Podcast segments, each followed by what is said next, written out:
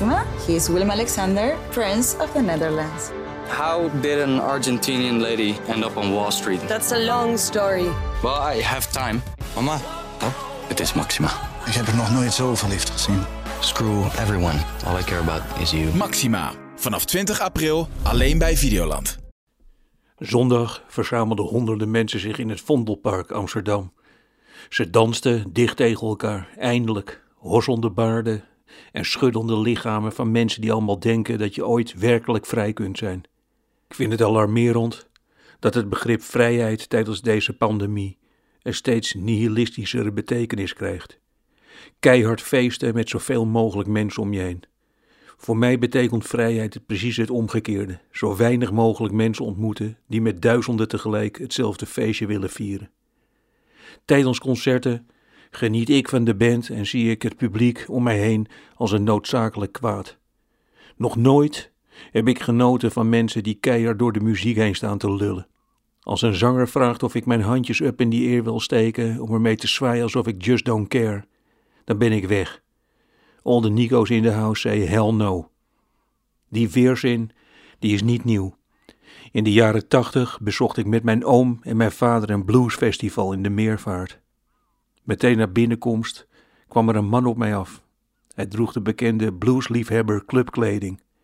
Een broek die door de week in een hondenmand lag en een tour-t-shirt uit 1972 van de legendarische bluesband Carned Milk.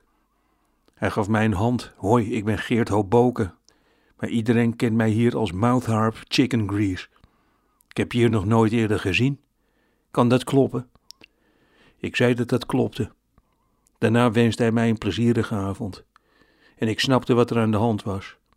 Ik was niet naar een concert, maar ik was naar een clubavond. Ik mis de mensenmassa's niet. Sterker nog, de verplichte isolatie voelt voor mij als een onverwachte schoolvakantie van een jaar. Iedere dag hol ik juichend de school uit. Tijdens het schrijven van deze column hoor ik een stemmetje. Maar Nico, die mens in het Vondelpark, dat is toch prachtig, dat intense verlangen naar je medemens, warmte voelen van een vreemde, als één lichaam bewegen. Doen wat al zo lang niet kan, drinken, huilen, lachen, feesten met lotgenoten. Dansen like it's 2024, dat is toch ontroerend. Het kippenvel van een wild vreemde langs je bovenarm voelen schuren. Nee, stemmetje, dat vind ik niet.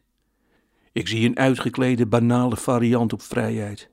Vrijheid wordt nog steeds uitgelegd als met 12.000 mensen samen naar de toppers. Mijn idee van vrijheid, een huis vol boeken, een kast vol platen, een tafel vol eten, deur op slot, dubbel glas, zodat ik het vieren van de vrijheid minder goed hoor.